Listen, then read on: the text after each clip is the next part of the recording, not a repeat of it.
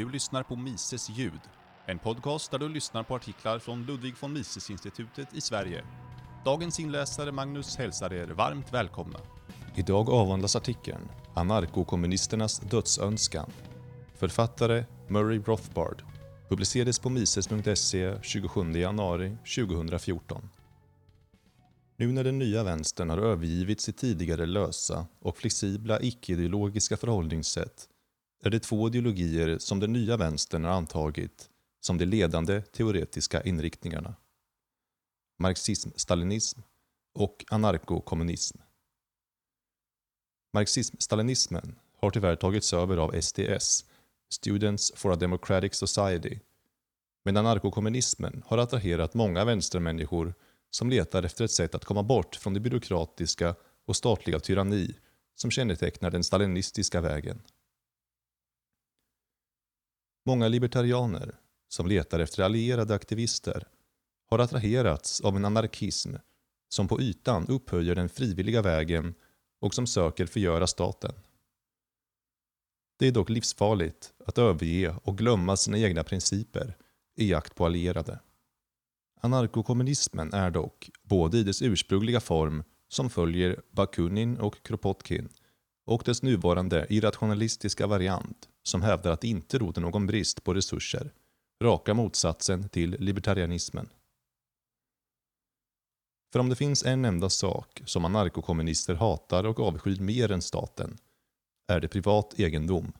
Faktum är att den ursprungliga orsaken till att anarkokommunisterna motsätter sig staten är för att de felaktigt tror att staten är den privata egendomens skapare och beskyddare och att det enda sättet att avskaffa privat egendom är genom att förstöra staten. De misslyckas kapitalt med att förstå att staten alltid har varit den privata egendomens största fiende. Dessutom föraktar och avskyr de den fria marknaden, vinst och förlustekonomin, privat egendom och materiellt överflöd, som ju är relaterade med varandra, och identifierar felaktigt anarkismen med att kollektivt boende, stamägande och med andra aspekter som hör till den framväxande drogrockkulturen. Det enda bra man kan säga om anarkokommunisterna är att deras version av kommunismen, till skillnad från stalinisternas, är frivillig. Ingen skulle tvingas att gå med i kollektiven. Och de som var med skulle fortsättningsvis leva individuellt, delta i marknadsaktiviteter och förbli obehindrade. Eller skulle det? Anarkokommunister har alltid varit extremt vaga beträffande hur deras framtida anarkistsamhälle skulle se ut. Många av dem har uttryckt den djupt antilibertarianska åsikten att den anarkokommunistiska revolutionen måste konfiskera och avskaffa all privat egendom för att avvänja befolkningen från den psykologiska tillgivenhet det visar den egendom som de äger. Dessutom är det svårt att glömma det faktum att då de spanska anarkisterna, som var anarkokommunister i Bakunin-Kropotkin-skolan, tog över stora delar av Spanien under 30-talets inbördeskrig, konfiskerade och förstörde de alla pengar i sina områden och dömde folk till döden om de använde pengar. Inget av detta ger oss särskilt mycket förtroende för anarkokommunisternas påstådda goda och voluntaristiska intentioner. På alla andra grunder varierar anarkokommunismen från lömsk till absurd. Filosofiskt sett är den en fullskalig attack på individualitet och förnuft. Individens vilja att äga, hans självförbättringsdrift att specialisera sig och att amulkera vinst och inkomst smädas av kommunister av alla former. Istället ska alla leva i kollektiv, dela sina fåtaliga ägodelar med sina medmänniskor och akta sig för att inte ha det bättre än sina kollektivbröder. Det som ligger till grund för alla former av kommunism, vare sig av den tvingande eller frivilliga sorten, är ett djupt hat av individuell förträfflighet. Ett förnekande av att vissa människor är naturligt eller intellektuellt överlägsna och en önskan att dra ner alla individer till den kollektiva myrstacken. I den falska humanismens namn är den irrationella och djupt antimänskliga egalitarismens mål att beröva individen från sin specifika och värdefulla mänsklighet. Anarkokommunister föraktar dessutom förnuftet och det som naturligt följer. Långsiktigheten, förtänksamhet, hårt arbete och individuella prestationer. Istället upphöjs irrationella känslor, infall och nycker och allt i frihetens namn. Den frihet som anarkokommunisterna eftersträvar har dock inget att göra med den genuint libertarianska frånvaron av aggression. Det handlar istället om en frihet som innebär att man är slav till oförnuftet, till outforskade nycker och till barnsliga infall. Både samhälleligt och filosofiskt är anarkokommunismen ett elände.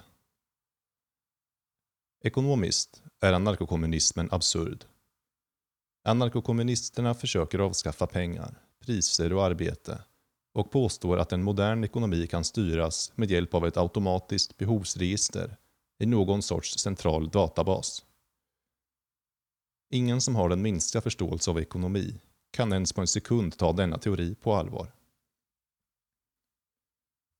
För 50 år sedan visade Ludwig von Mises att en planerad och penninglös ekonomi inte kan fungera över den mest primitiva nivån. Han visade att pengabrister är oumbärliga för att på ett rationellt sätt kunna allokera alla våra knappa resurser. Arbete, land och kapitalvaror till de områden där konsumenterna efterfrågar dem mest och där det kan användas mest effektivt.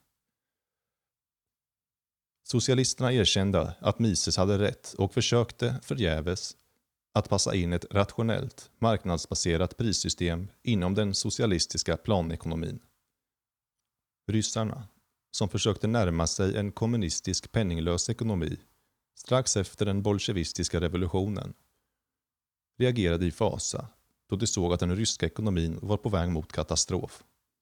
Inte ens Stalin försökte sig på det igen. Och sedan andra världskriget har de östeuropeiska länderna kontinuerligt rört sig bort från det kommunistiska idealet mot mer och mer fria marknader. Ett fritt prissystem, vinst och förlust och främjandet av konsumtionsöverflöd. Det är ingen tillfällighet att det är ekonomerna i de kommunistiska länderna som leder vägen bort från kommunism, socialism och centralplanering och mot fria marknader. Det är inget brott att vara ekonomiskt okunnig. Ekonomi är trots allt en specialiserad vetenskapsgren och dessutom en som de flesta människor anser vara en dyster vetenskap. Men det är fullständigt oansvarigt att ha en högljudd åsikt gällande ekonomiska ämnen medan man är så pass okunnig. Denna typ av aggressiv okunnighet är dock exakt vad som kännetecknar den anarkokommunistiska tron. Samma kommentar kan ges till den utbredda tron, som många anarkokommunister har, att vi inte längre behöver oroa oss för ekonomi eller produktion eftersom vi antas leva i en värld där det inte existerar någon resursknapphet. Men även om vårt tillstånd beträffande resursknapphet är vida överlägset grottmänniskornas lever vi fortfarande i en värld som är full av ekonomisk resursknapphet. Hur vet vi då när världen har uppnått ett tillstånd där det inte längre råder någon brist på resurser? Helt enkelt då alla varor och tjänster som vi kan tänkas vilja ha existerar i ett sådant överflöd att dess priser har fallit till noll. Kort sagt, när vi kan skaffa alla varor och tjänster som i Edens lustgård. Utan ansträngning eller arbete och utan användande av några knappa resurser. Anarkokommunismens antirationella anda har uttryckts på följande sätt av Norman Brown, som är en av den nya kontrakulturens förgrundsfigurer.